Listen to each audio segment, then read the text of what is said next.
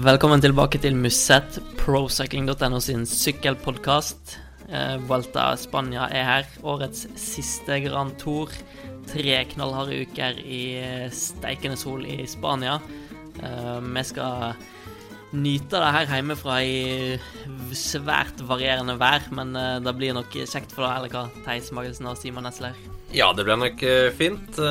Vueltaen har kommet litt sånn snikende på meg, og jeg tror jeg litt på dere òg, av det jeg har hørt dere snakke. Så det er alltid en litt sånn uh, luskende Grand Tour. For han kommer jo etter Tour de France, hvor det er veldig mye sykkel, sykkel, sykkel, og så måte blir det litt eh, stille en liten stund, og så blir det bare plutselig enormt med sykkelritt igjen. så og så plutselig har vi Welton, og da er det fint å ha noe å se fram til i tre uker.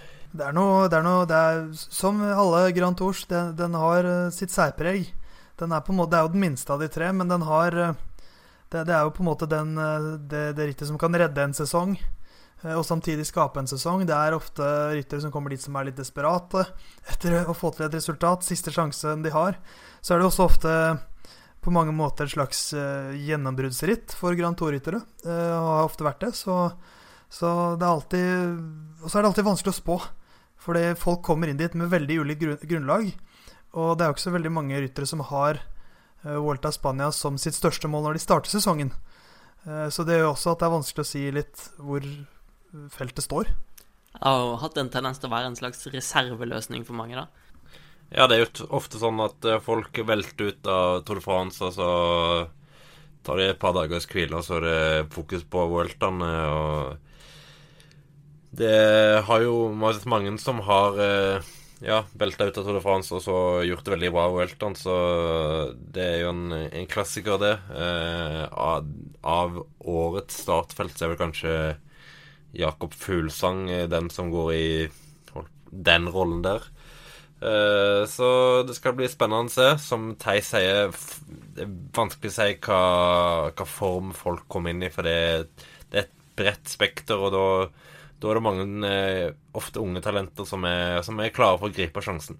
Men før vi går videre på å snakke litt om eh, norske sjanser og favoritter og sånt, så skal vi ta en kikk på, på løypa. Og som i våre tidligere Grand Tour-podkaster, så har vi plukket oss ut noen nøkkeletapper. Eh, Rittet starter da i Torrevieja med en eh, 13 km lang lagtempo. Så har du ei eh, første uke som er kupert, eh, er vel et fin, en fin beskrivelse. Eh, første bak, eller klatrefinish på femte etappen, men eh, første nøkkeletappen eh, vi har plukka ut, er på den sjuende etappen. eh, Fra Ånda til Mas de la Costa, 182 km, med en solid solid nesestyver på, på slutten, Simon. Ja, for de som husker Vueltaen i eh, 2016, så husker de kanskje denne bakken. Da vant Mathias Frank eh, etappen. Eh, og det er en bakke som eh, er da på 4 km og på 12% så eh, ligner litt på Storheia, som vi hadde i Arctic Race i sånn ren lengde og stigningsprosent. Eh, og eh, det er en klassisk bakke som, eh, som kommer til å skape litt avstander, for når noen begynner å akselere der mot slutten, så, så er det alltid noen som har fått hammeren. Så en, en fin, fin, fin test eh, mellom sammenlagtrytterne, hvor vi får se litt eh, styrkeforhold. Videre så har vi den niende etappen. der Da har rittet nådd Andorra. Eh, Start i Andorra la Veia, eh, og etappen går over 96 km til Cortals Kamp. Eh, Klatreavslutning der òg, med et lite grusparti midt i Theis. Ja, eh, så det er, det er veldig mange faktorer ved den etappen der som kan gjøre den eh, veldig veldig interessant. Det eh, blir på en måte den første skikkelige testen i, fjellene. Samtidig så er det en veldig kort etappe. Så det blir, det blir eksplosivt. Det blir mye opp og ned. De skal opp uh, Col de Gallina, som er 12,2 km med, med 8 Den er ganske bratt enkelte steder også. Så er det de siste milene hvor det er litt sånn trappetrinnstigninger før da dette lange, flate gruspartiet. Og så en, en bakke på 6 km til slutt som er 8% Så det, den, det blir noe ganske heftig posisjonskamp hvis det er noe felt igjen inn på, uh, på det gruspartiet. Uh, som jo vil føre til at de får litt høyere puls og litt mer syre i beina inn i den siste kneika. Så uh, alt interessant med litt sånn korte etapper. så det blir, det blir en, den første virkelig klatretesten, kanskje. så er det om viktig dag den påfølgende etappen òg, der det er rittets eneste individuelle tempo over 36 km, hvor vi skal inn i Frankrike, Simon. Ja, vi hadde jo en tempo i på i Tour de France, og på er tydeligvis veldig glad i, i tempo i år. Så det er en tempo fra Juran Så til på. en tempo hvor vi har to bakker underveis. Én på 2 km av 7% og én på 1,7 km av 6% så det er jo litt kupert. nok ikke, ikke Sikkert litt likt Eh, terreng som vi hadde på den tempoen i Tour de France. Og det var altså 36 uh, km, så det er jo en, en ganske fin finish Nei, en fin lengde på en tempo, det. Så det kommer jo sannsynligvis til å skape Skape litt avstander, da. det blir jo òg Det er vel òg dagen etter den første hviledagen, så det, da har du alltid litt forskjellig styrkeforhold på rytterne. Og for de som eh, fremdeles har eh, Alla Filip dansende opp den der eh, superbratte knekkeren på slutten av tempoen de på, eh, så er det nesten helt lik eh, avslutning. Det er samme målsted. Det er helt identisk, men eh, så vidt jeg kan se av løypekartet, så kjører de da ikke den samme 100-metersbakken. De tar en litt slakere inngang mot mål, så en eh, slak motbakke mot mål, men ikke den supertøffe knekkeren vi så i Tour de France. Eh, vi beveger oss et par dager videre. Eh, fra den tiende etappen til den trettende etappen så møter eh, rytterne en gammel kjenning, eh, Los Machucos, som var med for første gang i 2017. Da var det jo egentlig Stefan Denifl som vant, men har jo siden uh, gått i bare i Adalas, vel. Uh, og eh, der dansa jo Alberto Contador opp, eh, satte ganske masse tid i sekken på Chris Froome der. og det er han som står som etappevinner nå. Ja, det er, det er, en fryktelig bratt stigning eh, enkelte steder. Er, det er flere partier der på 25% som er, er det bratte. Og og Froome sleit ganske, ganske, godt der i 2017. Han tapte 40 sekunder til Nibali, som var da nummer to i sammendraget. Så det, det var jo den 17. etappen da, eh, så det var jo et ganske kritisk punkt. Eh, inngangen til bakken er litt lettere i år, så de, litt mer, de kommer nok eh, litt friskere inn i, i kneika der. Men den er så bratt at den kommer til å skape avstander uansett. Og den kommer jo da på etappe 13, så vi er ganske dypt inn i, i Vueltaen når den kommer. Så bratt og eksplosivt. Det er jo klassisk Vuelta i Spania som, som man jo må, bare må elske. Det er mulig jeg forveksler den med en annen av de eh, bratte stigningene fra 2017. Men jeg mener, husk at det var mye betongvei oppover der. Eh, videre fra Los Machucos til eh, den 15. Eh, etappen. En eh, 159 km lang etappe mellom Tineo og Santoro del Acebo.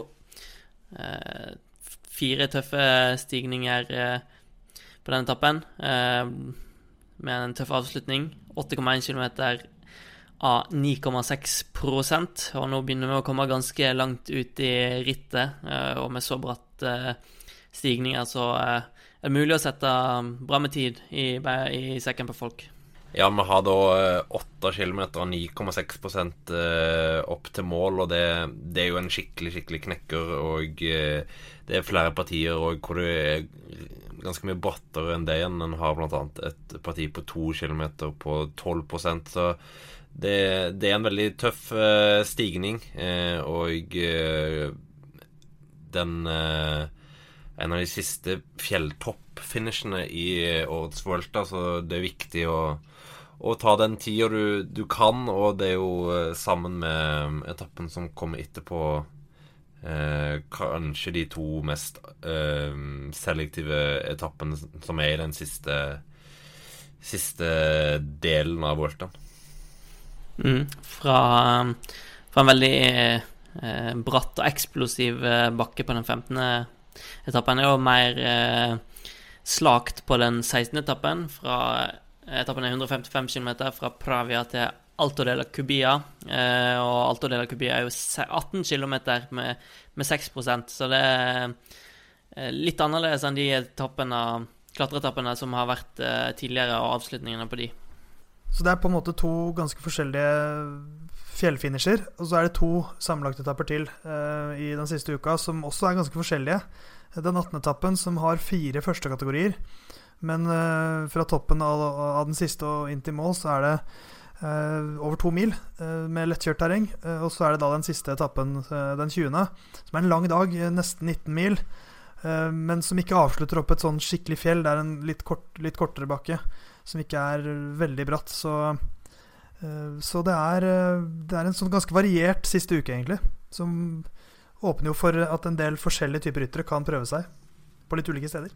Ja, det handler jo om hvordan rytterne kjører ritt, og ikke hvordan løypa er. Vi husker jo Voltan i 2015, hvor Dumoulin fikk det veldig tøft i ledertrøya på siste fjelletappe, som er en mer eller mindre identisk kopi med den, etappen, eh, den 18. etappen. Så blir det kjørt hardt, så kan jo det meste skje. Det, det har vi sett gang på gang i Voltan, annet denne etappen med Dumoulin i 2015, og den etappen til eh, Fuente, eller hva han het, i noen år før igjen med Contador, Valverde og Rodriguez. Så rytterne gjør rytte. Hello, I'm Alberto Contador and listen to Muschet. Vi beveger oss litt videre til å se på de norske sjansene. Eh, I bakkant av Tour de France så ble det klart at eh, Edvald Boasson Hagen skal eh, kjøre Vueltaen for første gang siden 2013. Eh, for ei drøy uke eller to siden så bekrefta Carl Fredrik Hagen at han eh, var klar for sin Grand Tour-debut. Og så fikk vi en eh, tredjemann òg her i går, mandag. Ja, to nordmenn som får sin Grand Tour-debut. Rasmus Fossum Tiller er den andre.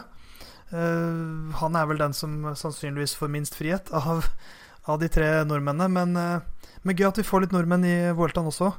Uh, og så alltid gledelig å se nye nordmenn som får prøve seg en Grand Tour. Så spent på Tiller. Han er jo uh, Han er jo et fysisk uh, beist. Så han er jo utrolig sterk. men vi har ikke fått se han over tre uker ennå, så det blir spennende å se han dra seg opp alle disse bratte, bratte kneikene. Så kommer han sikkert til å gjøre en god, lag, god jobb for, for lagkompisene sine. Ja det blir spennende å se. spennende å se alle tre alle de tre norske. Eh, Edvald har eh, nok en del sjanser. Han er jo den, den beste spurteren eh, laget har med. Får nok sjansen i massespurtene òg på litt sånn halvharde etapper, hvor f.eks. Ja, den åttende etappen, den ellevte etappen eh, eh, ser veldig bra ut for han. Eh, det spørs jo litt hvordan det blir kjørt, selvfølgelig, men det er nok en del gode muligheter, i hvert fall. Så Carl Fredrik Hagen kommer jo òg med sammenlagte ambisjoner. Det er jo det synes jeg er veldig veldig spennende. Eh, både han har sagt det, og nå så jeg eh, sportsdirektør Mario Erst det samme i forbindelse med laguttaket. Så jeg er veldig spent på hva han kan klare å få til. Alt vi har sett av han så langt, tyder jo på at han vil stå et sånt trekursritt fantastisk bra. For det er, det er det er det som gjør at jeg virkelig gleder meg skikkelig til uh, de alle etappene nå i årets uh, Vuelta. At, uh, at, vi faktisk har, som du sier, Simon, en nordmann som kjører for sammendraget i en Grand Tour. Altså ikke for å vinne det, men for å se hva han kan få til. Uh, og så, så lenge jeg har levd, så tror jeg ikke vi har hatt det. Nei Sånn, sånn skikkelig. For Hvem var den forrige som gjorde det? Dagotto eller Jostein Wilman liksom, på 80-tallet? Ja, det må, må bli noe sånt. Og så Med mindre vi glemmer noen skikkelig svære, da. Men tro, det tror jeg ja. ikke vi gjør. Ja, jeg tror ikke vi gjør det. men uh, ja, altså Eiking viste jo sin klasse på, på Storheia, og er jo uh, på sitt beste en, en, klatrer på veldig høyt nivå. Men han er jo et rotehue òg. Uh, men Carl Fredrik Hagen, han, han, han er Jeg kjenner ikke på riktig ord, men han er, han er, så konsentrert type og så ryddig og, Og eh, kontinuitet Fokusert. er Stabil. Altså, ja. Stabil, der har du ordet. Ja. Ja, men han, han er jo seig, og det er jo altså det, det man Det som er noe av det gøyeste med, med Grand Tourene, syns jeg, er at du får disse dieselmotorene som virkelig kommer til sin rett. Og er det noe han han er så er det en diesel. Han er en sliter. Han, han vet hvordan, man, hvordan man, man presser seg selv, og, og, er ikke redd for den smerten som varer i en halvtime når du skal klatre opp et langt fjell. Så Og, og kanskje enda viktigere, han virker så gira på, på, på å få lov til å prøve, liksom. og og se hva det holder til. Og det er ikke så ofte at en, en førsteårsproff, spesielt en som er 27 år gammel, får lov til det. Og bare kjøre. Ok, nå skal du få lov til å prøve, og se hvor langt det her holder. Så, så jeg håper han griper sjansen. Jeg syns det merker da eh, Hver gang jeg har snakka med han eller sett en intervju med han, hvor ekstremt ambisiøs eh, måte han snakker på. Det er liksom ikke sånn eh, Ja, vi får se hva som skjer, jeg skal prøve, kanskje gå i brudd. Det er liksom ja, i dag skal jeg gå i brudd, eller sånn og sånn sånn. Så han, han er veldig bestemt og målretta. Ja, det blir veldig spennende å se hva han får til. Lotto Sodal kommer jo med et lag eh, som har veldig mange eh, klassiske bruddryttere. Så sånn sett sier det veldig mening at eh, Carl Fredrik eh, får sjansen til å, til å kjøre for et eh, sammenlagt resultat. Eh, og eh, ja, som du sier, han er utrolig stabil, og det er jo ofte sånn Du hører jo sånn etter en dag hvor det har vært steintøft, så sånn, dagen etterpå sier han bare at ja, når beina er helt fine igjen. Så han eh, har en ekstrem evne til å restituere seg sjøl, og det kommer jo til å komme virkelig til sin rett eh, ute i den tre uka. Så når vi for en gangs skyld har en, en nordmann som skal prøve å kjøre sammendrag i en Grand Tour, så må vi gjøre det jeg elsker, eh, som er å skyte fra hofta Og prøve å tippe rett og slett hvilken plassering Carl Fredrik Hagen kommer på i La Vuelta 2019. Um, så jeg vet ikke om noen har lyst til å gå først. Om noen melder seg frivillig, eller om jeg skal gjøre det. Eh, tippe eh, 21. 21? Ja. Da er vi ganske okay. samstemt. Jeg tipper 22.-plass. Da får jeg eh, klinke til litt. Eh, det, det, det, er ikke basert på hva dere sier, for jeg hadde tenkt å tippe inne på topp 20 uansett. Eh, så jeg sier 17.-plass på Carl Fredrik Hagen i Vueltaen. Eh, og bare, bare hvis han Så da har vi 17., 21. eller 22. Så da kan vi vel si at vi, vi tror vel alle tre at han kommer til å ende opp rundt topp 20. Sånn pluss-minus et par plasser. Og klarer han det, så er jo det en veldig god debut, spør du meg. Ja, det er en veldig, veldig god debut. Og han har jo sagt at han har målsetning om å kunne kjempe i toppen av Tour de France på lang sikt. Eh, ikke neste år, men ja, om, om en tre-fire år, kanskje. Eh, så klart det er et lite steg på, på å se om det er mulig. Eh, og Karl Fredrik Hagen er en rytter som jeg syns bare i år har tatt ganske store steg. Så, så jeg tror han er klar for å gjøre det veldig bra. Han har jo levert eh, når han har fått sjansen til å kjøre eh, for dag i World Tour så har han jo levert ganske bra. Han har jo stort sett vært eh, i hvert fall topp 20, så, så jeg tror på at han blir å se ganske, ganske bra med. Jeg er Carl Fredrik Hagen, syklist på Lottesodal, og du hører nå på podkasten Musett. Vi beveger oss videre til favorittene. Eh, som jeg nevnte tidligere, så har jo Welton gjerne vært eh, en slags reserveløsning for folk som har eh, gjerne velta eller skada seg eller bomma i giroen eller noe sånt. Uh, kunne jo fort fått uh, Demoulin eller Froome hit, hadde ikke skadene deres vært uh, for omfattende. Uh, men vi har noen uh, fra giroen som, som har satsa på en, på en dobbel, da, blant annet Primos Roglic, som skal prøve å å gjøre det han ikke klarte i Giro d'Italia, å vinne.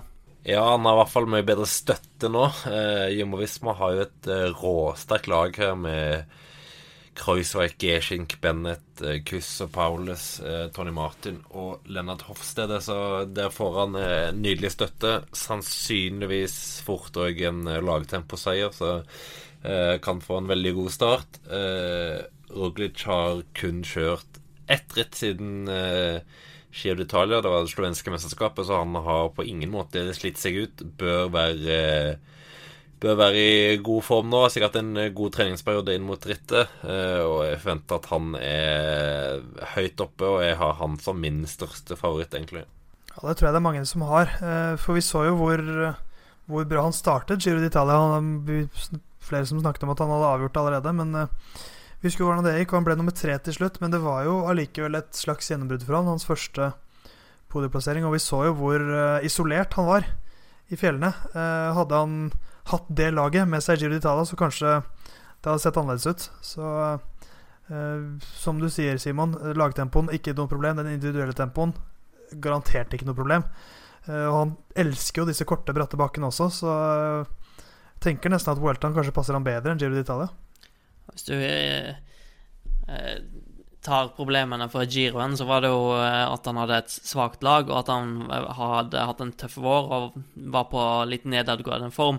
Og de to faktorene skal jo være fullstendig, fullstendig, eliminert her, så det ligger jo litt i kortene at han, han fort vinner her. Ja, så får vi se hva Krausverk får til, da. Eh, om, om han blir 100% dedikert hjelperytter. Hvis Roglic ser så bra ut som vi kanskje tror, så blir han vel fort det. Uh, og det vil jeg tro at han kanskje lever, lever greit med også. Så et, spesielt etter at han fikk den podieplasseringen sin i, i, eh, i Toren. Men eh, de har jo i hvert fall da en liten backup. Hvis det skjer et eller annet med Roglic, så har de jo et alternativ i Krasvik også. Men eh, ikke en vinnerkandidat. Da blir det fort heller en podiekandidat, kanskje, hvis han står distansen da, etter Tour de France. Og eh, flere kandidater eh, finner vi òg i Movistar, eh, som igjen går inn med en, en liten håndfull favoritt, potensielle favoritter. Eh, men eh, vi tenker nok at det blir Ricard Carapaz som blir deres sterkhetskort, årets girovinner. Ja, han så jo strålende ut i giroen og har, som Roglic, har hatt et relativt rolig rittprogram i etterkant, så han har ikke lada inn mot Vuelta nå i ganske lang tid. Får med seg da Quintana og Valverde rett fra Tour de France. Ingen av de var jo i nærheten av å vinne Tour de France. Quintana så jo dessverre ganske blek ut til tider, selv om han jo vant denne etappen over Galibier.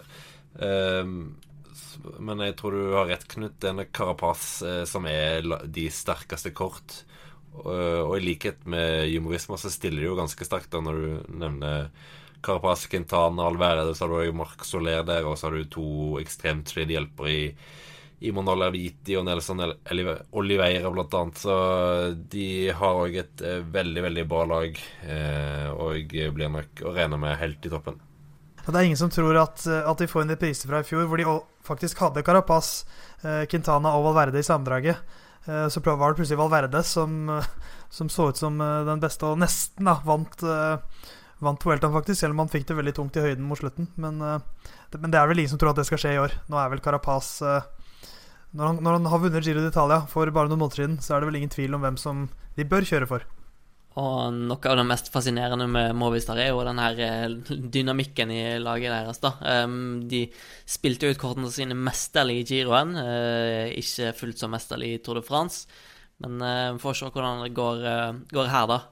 Og så har vi jo den berømte radaren, da, som jo definitivt er skrudd på på Carapaz nå, som snek seg litt av gårde på et par etapper i giroen, som var avgjørende for hans seier der. Men med han litt mer mannsmarkert her nå, så kan det jo åpne opp for å benytte Valverde og Quintana på en veldig fornuftig måte.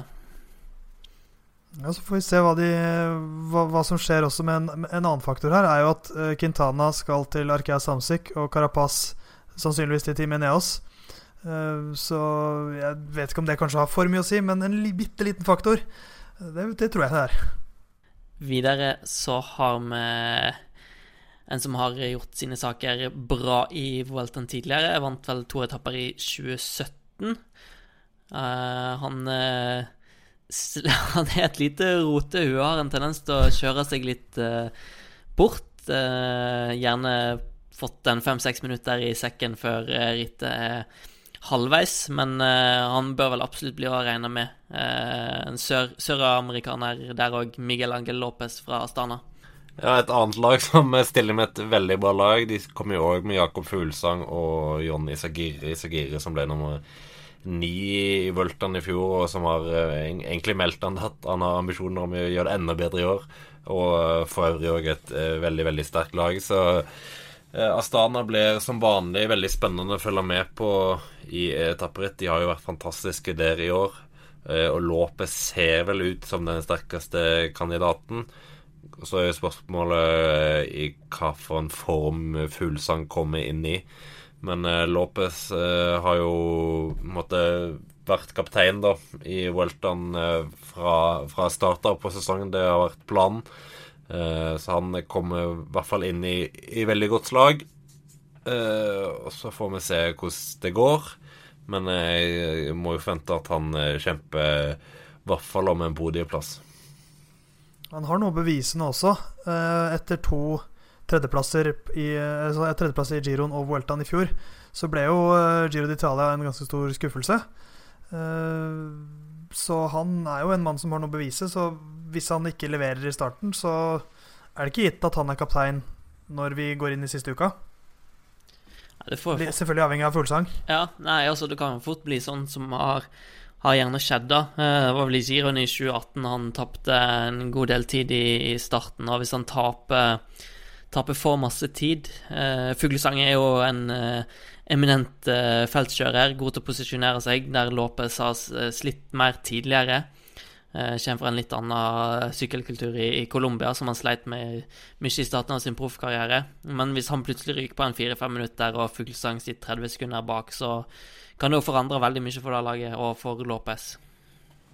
Ja, og så har han jo òg den tempoen på 36 km som eh, normalt sett eh, skal bli en ganske tøff etappe for han, så han eh, må nok prøve å få en veldig god start, sånn at han eh, i hvert fall ikke havner for mye bakpå og må jakte for mye, for det, det har dessverre ofte blitt eh, posisjonen hans i Grand Tours eh, litt sånn generelt. Så har vi en eh, tredje søramerikaner her, som eh, vi tenker blir å regne med. Eh, jeg og Simon spådde han vel på pallen i Tour de France, eh, bomma litt der. Eh, Vi får satse på det går bedre for hans del i Vueltaen. Eh, Rigoberto Uran kommer med et veldig sterkt EF-lag.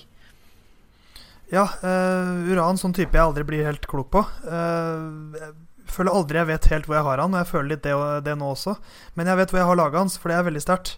Eh, det er formsterker ikke Hugh, Hugh Carthy, en av eh, de rytterne jeg syns eh, impo, har imponert meg mest i år. Vant jo en nylig etappe i Sveits rundt, var veldig livlig i Giro d'Italia, selv om det ikke ble noen etappeseier. Lawson Craddock så strålende ut i Tour Utah. Han kan sitte med lenge i fjellene. Eh, Higita, eh, veldig spennende, var veldig bra i California. Daniel Filipe Martinez, litt usikker på han. Uh, Sto over Tor Vjuta med eh, trøbbel med luftveiene. Eh, og så er det den evige fortappede sønnen i amerikansk sykkelsport, TJ van Guideren, da, som fortsatt kan være en stor ressurs i fjellene. Så det, det, det går vel igjen her at det er en del kapteiner jeg er litt usikker på, men som har veldig bra støtte. Og Uran er en av dem. Ja, Uran eh, virker jo til å være eh, på stigende kurve gjennom eh, Tour de France. Han eh, hadde jo en trøblete oppladning etter at han brakk kragebein i Paris-Nice og var, kjørte vel omtrent kun eh, Tour de Occitanie i, forkant. Men virker jo til å være i hvert fall sånn som jeg så det bedre i den siste uka i Tour de France enn han var innledningsvis. Og hvis den stigningen har fort, fortsatt, så har ikke han kjørt så ekstremt mange ritt i år, så da bør han tåle den belastningen ganske bra. Så jeg tror han eh, kommer i, i veldig bra slag og blir en, eh, en mann å regne med. En annen mann som eh, Simon i hvert fall har veldig trua på blir å regne med, er jo Rafael Ja, men nå må Maika. du, nå må du ikke overdrive. Men Nei da, men Du, Simon har- du har tippa han som vinner, har du ikke det, Simon? nei. Du kan få høre etterpå. Ja. Simon uh, har litt trua på Rafael Maika, i hvert fall. Som, eh, som går inn med ambisjoner om å hevde seg, han òg. Ja, han eh, kjørte jo Giron og ble nummer eh, der. Og så kjørte han nå Polen eh, i eh, august, så han eh, har jo hatt en eh, ganske rolig andre del av sesongen da etter Giron. Eh, og eh, vil jo da anta at han kommer inn i inne i god form. Uh, har jo da hatt som plan fra start av sesongen å kjøre denne Giro Vuelta-dobbelen. Uh, og det er alltid positivt med tanke på hva du kan forvente av en, uh, av en rytter.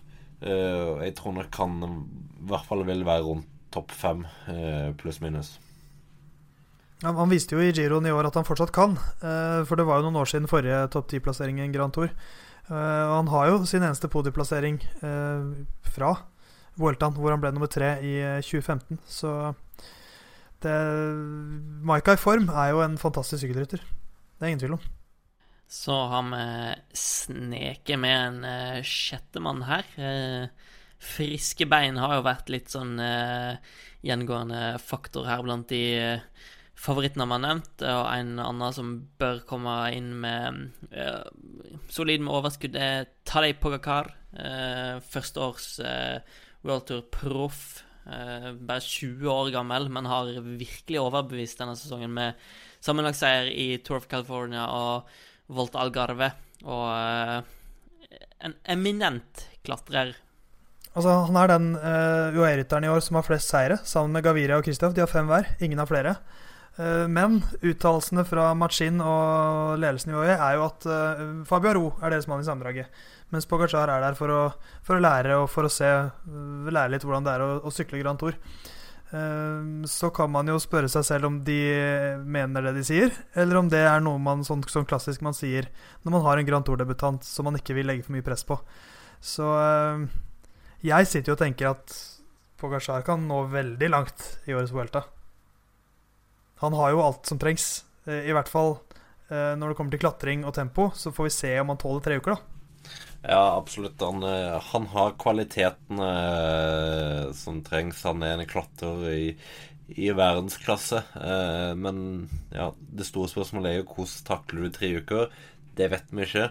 Men jeg tror nok, som du antydet, Theis, at det, han eh, får nok mulighetene til å gjøre det ja, Gjøre som han vinner, holdt jeg på å si. Altså, han er nok ikke han er neppe en dedikert hjelperytter for Fabio Ru. Det kan godt være at Aro er kaptein, men eh, jeg tror nok Pogacar skal få se hvor langt han eh, kan gå. Så prøver de bare å spille ned et mulig press på han.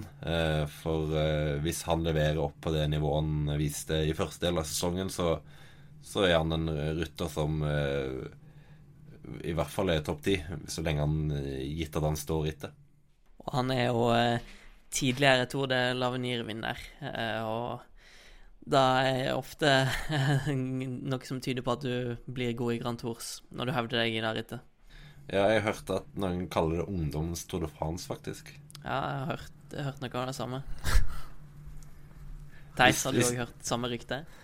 Jeg har hørt noen rykter om det, men jeg har ikke fått bekrefta de fra sikre kilder ennå. Så vi får se om vi kanskje kommer tilbake med en bekreftelse etter Vueltaen. Jeg har òg hørt rykter om at eh, Vueltaen skal innom eh, to skisteder hvor det er skihoppbakke. Eh, så jeg, så jeg, jeg sier ingenting, men det, det lover jo bra for en eh, viss slovener. Brace yourselves. Og da er det ikke Tadej Pogacar jeg snakker om. Du tenker på Dommen Novak eller Luka Pibernik? Nei, jeg tenkte på eh, Primoz Roglic. Han har faktisk vært skihopper, ja. hvis du ikke har hørt om det før. det, jeg trodde du kanskje du mente Luka Meskic, for det er mange slovenere. Men eh, ja, det blir 20 i stil på, på Jumbo Visma, i hvert fall. da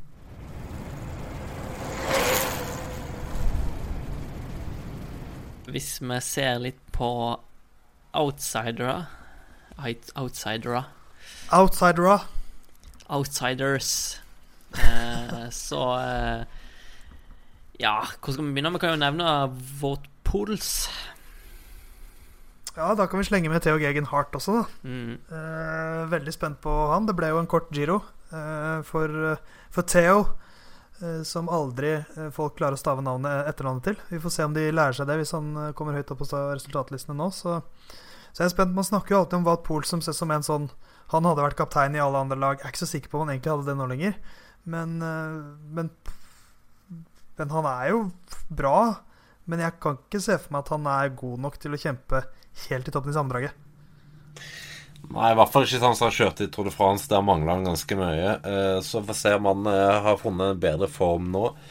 Eh, han hadde jo sine dager i Vacans for hvor han var veldig veldig positiv i Vueltaen, men det er lenge siden han har hatt et sånt ansvar slash en sånn rolle i en Grand Tour, så det, det ble jo Du bryter litt med en mønster òg, da. Du, du er ikke helt vant til det, du er ikke vant til det ansvaret og forventningene, så eh, Nei, jeg tror, ikke, jeg tror, ikke, han vinner, som dere nevner. Han kan nok komme topp ti på om han eh, finner formen, men det er kneppes veldig mye mer enn det. Jeg har gjerne vært tendensen at når han får kjøre for, for egne sjanser, så faller han gjennom, da. Eh, men han har gjort det bra i Walton tidligere. Ble nummer seks i 2017, men da var det som hjelperytter for Froome. Uh, og ble tolv i giroen i, i, 2018, som er hans to beste Grand Tour-resultat. Men da var òg som hjelperytter som Froome. Så han, han, klarer jo å sitte med, men uh, det er jo med et helt annet fokus, som, som det nevner. Så ja. Jeg har ikke kjempetrua på han, uh, jeg i hvert fall. Um, Mer spent på å følge Georgen Hart, egentlig. Ja. Hva, han, hva, han, egentlig er kapabel til. Det, det er jeg litt spent på. Fuglesang har vi jo allerede nevnt litt, vi trenger kanskje ikke gå så masse inn på han. Uh, Louis Menkis, var det det som var uttalen du vil Du foretrekker, Theis? Det er i hvert fall det de sier i Sør-Afrika. Ja, han, han, har jo hatt noen, uh, noen tøffe sesonger. Uh, og ja, han, han, trenger vel en opptur. Ja, jeg tror ikke den kommer nå. Jeg syns ikke han har vist noe i år som, som, som gjør at jeg tror han kommer på topp ti. Eh, han ble nummer 22 nå i Vuelta Burgos, som er hans siste ritt før Vueltaen. Så jeg, nei, jeg tror han kommer til å ha en ganske anonym Vuelta, rett og slett. He's not good enough, mate. Det er så, så, brutalt er det. Han er ikke bra nok. Men apropos en som har hatt eh, noen vanskelige sesonger, da. Selv om han har hatt sine høydepunkter, eh, så er det jo en gutt med det bredeste gliset i verden som vi er veldig glad i. Esteban Chávez som i 2016, var det vel? Var det da han nesten vant uh, Da han var i hvert fall på podiet både Giroen og Vueltaen. Men det er noen år siden. Men nå får han en sjanse her i, Michelin Scott, som kommer uten Jetsgutta. Ja, det blir spennende å se hva han kan få til. Han uh, har jo hatt som du sier, en, en tung år. Uh, 2017 ble vel uh, da skulle han på en måte prøve seg i Tour de France, og så mista han vel en, eh, en nær venn rett før.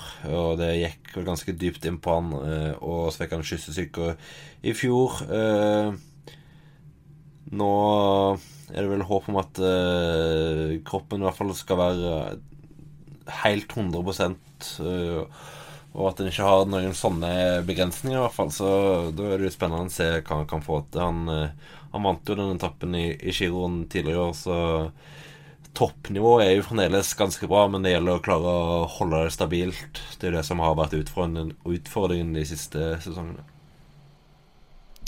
Så tenker jeg om vi kan eh, nevne kanskje Pierre Latour. Eh, var bra i Polen rundt, ble nummer seks der. Skulle egentlig kjøre Tour de France. Jeg husker ikke helt i farta hva var en skade eller sykdom eller noe sånt som satte han ut der. Velta i det franske mesterskapet, ja, ikke det? Sånn var det. Uh, vant etappe i Vueltaen i 2016. Uh, eh, vant ungdomstrøya i Tour de France i fjor. Ble nummer 13 sammenlagt der. Uh, han har jo et ganske stort potensial, da. Så det kan være en gyllen sjanse for han til å vise seg frem her. Ja, jeg snakket jo litt i starten om at Vueltaen ofte er litt sånn gjennombruddsritt for en del eh, Grand Tour-ryttere med Grand Tour-ambisjoner, fordi at det er kanskje her man får sjansen først. Eh, og nå har han jo sjansen uh, i Arche Dessert. Så uh, han, har, han har veldig få rittdager i år, bare 26, og virket å være i bra slag i Polen. Så det er en litt sånn spennende dark horse i det hele her, faktisk. ja Kan, være, kan fint hende at han sykler seg inn til sin første topp ti-plassering. Eh, videre så har vi jo mannen som eh, stort sett klarer å velte eh, når han skal levere. Eh, Vilko Keldermann, nummer fire i Vueltaen i 2017, eh, får kjøre for egne sjanser her. Eh, lukter vel fort en topp ti, men eh, kommer nok vel ikke til å være veldig nær teten. Nei, han har slitt med å på en måte få ut toppnivået sitt. Eh de siste eh, sesongene, egentlig. Eh, for som du sier, eh, var veldig bra i Bulton i 2017. Da lå han egentlig an til tredjeplass før han fikk litt tungt opp Anglerud. Men det er jo en rytter som jeg tror mange unner å ha, en, ha et ritt hvor alt går litt på skinner, og han ikke har masse uhell og sånt. Så da kan han jo gjøre det ganske bra. Eh, men eh, ja, det er nok et sted mellom fem og ti som er realistisk for han. Aldri slått skikkelig gjennom som den storrytteren han eh, eh, var lova som etter han vant Tour of Norway i 2011. Nei, det var en fantastisk eh, seier, det. Det var vel eh, ganske jevnt, så vidt jeg husker. Eh, men ja, Tour of Norway er vel det desidert største rittet han har vunnet i hele karrieren, antar jeg. Vunnet Danmark rundt i 2013. Ja da, det var en liten spøk. Men uh, Keldermann, ja, det blir spennende å se. Uh, Sønve kommer med et sånn decent, decent lag, så han uh, er nok oppi det. Uh, og det samme sikkert en rytter som ja, Gianluca Brambilla, som ofte er god på sånn et sted mellom 8. og 15. plass. Og så jeg er spent på Oscar Rodriguez på Escadi Murias, eh, som jo vant en etappe i eh, eh, Det var vel i fjor. Eh, og kjørte bra i Burgos nå, så usikker på om han er god nok i fjellene til å henge med helt med eh, de beste, eller om han bør gå for etappeseier. Men eh, en spennende rytter å følge med på, i hvert fall. Hello, I'm Alberto Contador and listen to Muschet. Som eh, vanlig så avslutter vi vår eh, Grand Tour-spesial med podietips. Topp tre i Volta Spania 2019. Eh, vi hadde suksess med vårt forhåndstips i Tour de France. Eh, bomma i Giroen, så får vi se om det kan bli to av tre på vinner av Grand Tours her, da. Riktignok endra Simon og Theis mening i Tour de France, da, i vår halvveis eh, pod der, men eh, det er ingen som husker, husker noe før jeg sa det. Men eh, vi kan jo gjøre som vi pleier, da, starte på tredjeplassen, kanskje. Så kan det få krangle om hvem som skal begynne. Theis skal få begynne. Jeg kan begynne. Jeg tror tredjemann i Vuelta Spania 2019 blir den eneste rytteren på startfe i startfeltet som har vunnet en Grand Tour i år, nemlig Richard Carapaz. Han blir nummer tre. Simon Uh, nei, jeg er faktisk enig. Carapaz tar plass. Ja. Uh, jeg går selvfølgelig for Nairo Quintana. Nei, nei, nei. Det, det hadde vært peak, peak Knut å gjøre. Ja, jeg har vært kanskje den mest kritiske til hans Grand Tour-sjanser. Men eh, nei, jeg går for en frekk longshot da med Pogacar. Oi. Elsker han, så eh, vi, vi legger litt hjerte i det og kjører han på tredjeplass. Ja, ok. Skal jeg gå på min andreplass da med en gang? Gjerne. Uh, for der har jeg Pogacar. Jeg tror han gjør, jeg, jeg tror han gjør som Henrik Mass i, i fjor. På den siste fjelletappen så vinner han og klatrer opp på andreplass samtidig. Det er min spådom. Nice. Eh, Simon, har jeg er ikke lik jeg, Det er dessverre ikke det, altså. Eh, jeg holder meg til en mann som jeg hadde tro på før Tour de France, men som mangla litt på toppformen da. Eh, nå tror jeg han eh, har funnet den, fintuna den og er i toppslag. Så sier jeg Rigoberto Uran. Jeg eh, liker den for så vidt, men jeg har gått for eh, Carapaz på mitt andreplass-tips. Eh, Så da har vi vel samme mann på toppen, alle Ja, jeg mistenker at det er noe eh, veldig likt her. Ja. Men jeg, har, jeg, eh, jeg har hørt at han er god til å fly med ski på beina. Ja, jeg har hørt at han er god til å sykle også. Eh, og han kommer nå fra verdens beste sykkelnasjon, i hvert fall de neste tre ukene. For det blir jo dobbelt slovensk, ifølge meg. Pogacar på andreplass og Primoz Roglic på topp. Tenk på den folkefesten i Ljubljana når eh, de kom hjem, da. Å. Altså, da, da kan Slovakia bare gå og legge seg med Peter Sagan, altså, hvis det blir dobbelt slovensk. For den var vel allerede ganske voldsom når Roglic ble tre i, to, nei, i Giroen, var ikke det? Jo, det var ganske bra oppmøte da. Eh, Det var vel òg, så vidt jeg husker, ganske bra oppmøte etter han ble nummer fire i Tour de France. Så, Ja. eh, så hvis han vinner Vueltaen, så er det vel offentlig fridag i tre dager, tror jeg. Men, men bare så vi har det offisielt, dere har Roglic på toppen, dere òg. ja. Du òg, Knut. Ja. Ja. Ja, jeg òg. Jeg òg. Så vi gjør det samme som i Tour de France. Samme vinner, alle tre. ja. Og eh, alle hadde vel samme vinner i Giro òg, så En eh, viss uh, enighet i denne her eh, lille redaksjonen her. Så vi, vi lar oss ikke lure av den 'fool me once' på Roglic. Nei. Nei. Jeg tror forholdene ligger litt bedre til rette nå. Eh, gode forhold er det òg for eh, våre lyttere og lesere på procycling.no, for de kan selvfølgelig følge Vuelten både hos oss og eh, visuelt på Eurosport. Mulig du skal litt i aksjon der, Theis? Det er fare for det. Det blir noen gjesteopptredener i Vueltaen, og litt andre greier. Det er jo mye sykkel. Eh, det er jo ikke som under Tour de France at sykkelsporten ellers bare stopper opp. Det skjer jo faktisk litt andre ting også, så Mener du at eh, sånn Østerrike rundt ikke er et sykkelritt i ditt hode? ja. Det anerkjenner ikke jeg som sykkelritt. Okay. Det er, det, det, det er hobby. Alt er hobby. Alt som går under Tour de France, er hobby. Nei da. Det, men det blir sykkel, eh, sykkel på, på kanalen. Kan jeg garantere. Er Eurosport vel 1 eller Norge? Eller Player? Alt. Alt. Alle kanaler. Og er det det kjente fenomenet, eller konseptet, fra start til mål på alle etappene på TV? Nei.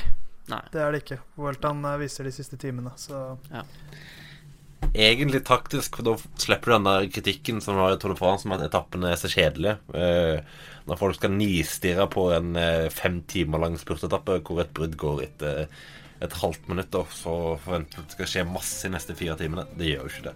Så, Så- tak taktisk smart av Volta Spania. Og så slipper rytterne masse hets fordi de skubber hverandre ut av veien og sånt òg. Men Ikke vi skal minst. vel levere podkaster gjennom uh, de ukene her som vanlig, vi. Ja, Så, det eh, høres da- ut som det er da- noen som er i feststemning allerede. Ja, altså Jeg er alltid en finansfest i mitt liv. Så uh, Finansteis vil nå reklamere litt for Musett, som er vår podkast. Gå gjerne inn på iTunes, sleng inn en rangering, da, bror. Eh, og eh, abonner på oss, og last oss ned. Så abonner, last ned og ranger. Smekk, smekk, smekk. Sånn kan det også gjøres. Men da høres vi igjen, da, plutselig, eller? Ja, høres uh, plutselig. Så Og som de sier i Spania uh, Una cerveza, por favor.